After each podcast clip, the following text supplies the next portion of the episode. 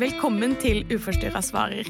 Dette er korte episoder hvor vi svarer på spørsmål og problemstillinger fra dere lyttere. I dag så har vi fått et litt sånn spennende spørsmål. Eh, Og det går på det her med romantisering utad på sosiale medier. Og det her man ofte ser sånn før- og etterbilder av spiseforstyrrelsen. Hva tenker vi om det?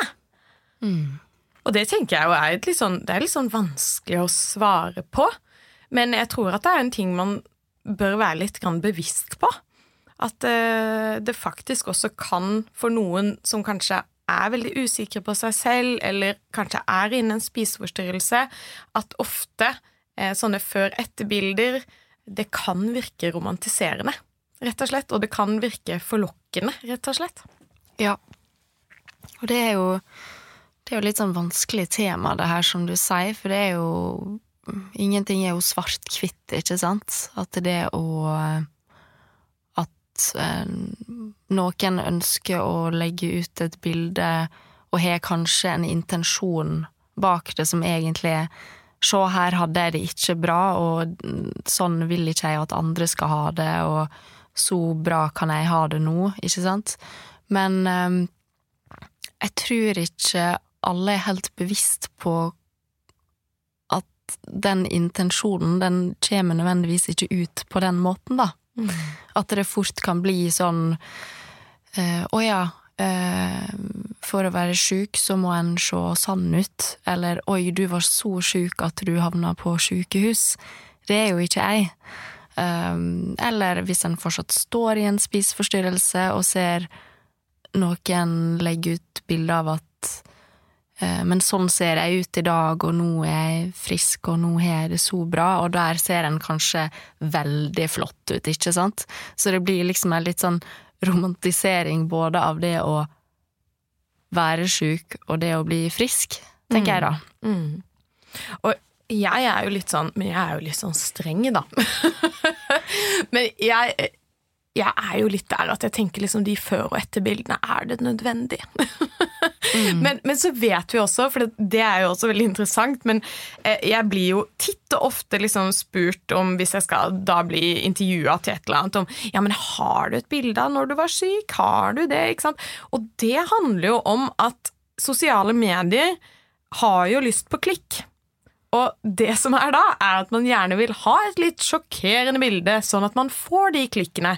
Så det er liksom noe med også å være bevisst på at de her bildene av eh, kanskje en veldig syk kropp eller en veldig flott kropp, det gir klikk. Eh, og det er jo noe av det jeg syns er veldig vanskelig, er at det er både på en måte at man fremmer en eller annen historie som kanskje er viktig for folk, eh, og i tillegg at det også skal være en underholdningsting, da. Som, som jeg egentlig kjenner at da, da vrir det seg litt i magen min. Eh, men jeg vet jo at eh, journalister eh, ønsker de her bildene eh, fordi at det rett og slett gir mer klikk, og det gir mer interesse for lesere, da. Ja, og, og vi har jo snakka litt om det her i det siste, for vi også syns jo det er liksom kjempevanskelig, sånn den balansen mellom at sånn Vi vil jo sjølsagt at det skal være masse saker om spiseforstyrrelser, og at det kommer fram i media, og at den rette søkelyset mot noe som så mange sliter med. Så det er på en måte tanken om at ja, det å få oppmerksomhet og dialog rundt det, kjempebra. Men så er det også liksom noe med det her, men men til en hva pris, eller sånn hvordan blir det gjort? Altså hvis det blir kjempedramatiske overskrifter og dramatiske bilder, så kan jo det også føre til at en nesten setter en litt sånn standard eller terskel for hva en spiseforstyrrelse er. Og vi veit jo hvordan det som regel blir framstilt i media. Det er jo ekstremvariantene, eller liksom ytterkantene på, på begge sider, ikke sant? At, eh, at eh, oi, spiseforstyrrelsen førte til dramatisk undervekt eller dramatisk overvekt, ikke sant? Men så veit jo vi at de aller, aller fleste som sliter med det, er jo midt på.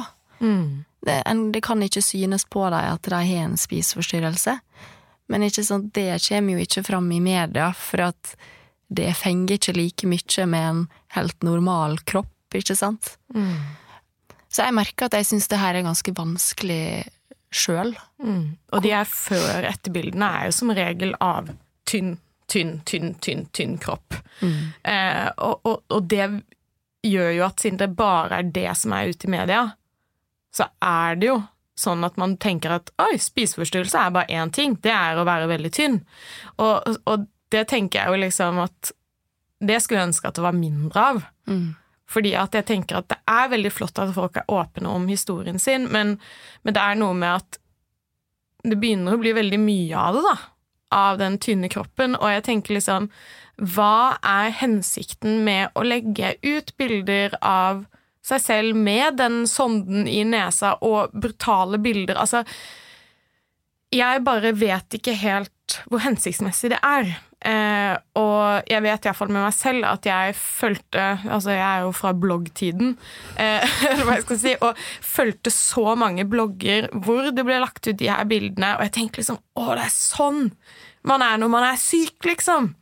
Men jeg er jo ikke ordentlig syk, for jeg er jo ikke der, ikke sant? Mm. Og jeg husker også at jeg hadde sånne tanker om at å, den dagen jeg blir så syk, da skal jeg også legge ut sånne bilder. Ja. så det kan jo være at liksom Det er jo en del av spiseforstyrrelsen også. Eh, så, så, så, jeg tenker at det kan godt være at det er noen som lytter til nå, som har lagt ut de bildene, og det, og det, det er greit, men det er liksom noe med å, å fremover prøve å være lite grann eh, Ja tenke litt rundt det.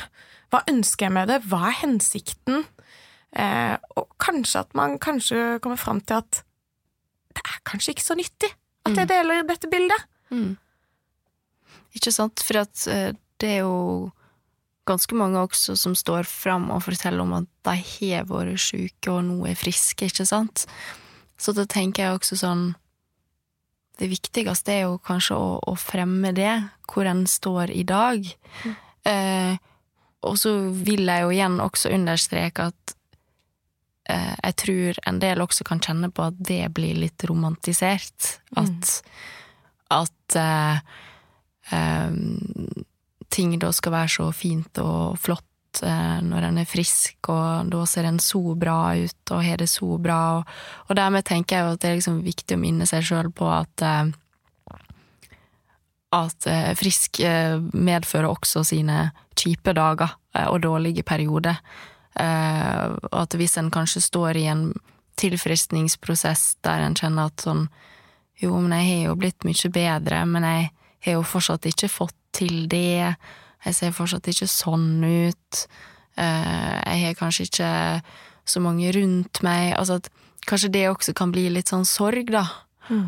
At en ser at andre fikser ting så bra. Men det trenger heller ikke å være sannhet, da. Ikke sant? Det er akkurat det. Kan bli romantisering på begge sider.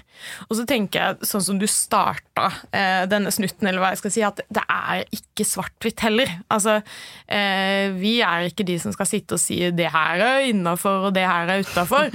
Men, men, men, jeg tenker liksom at vi kan iallfall si med ganske stor sikkerhet at, at det med å se veldig syke kropper på, på, med før- og etterbilder og sånne ting, det er ikke nødvendigvis noe som gjør oss så godt.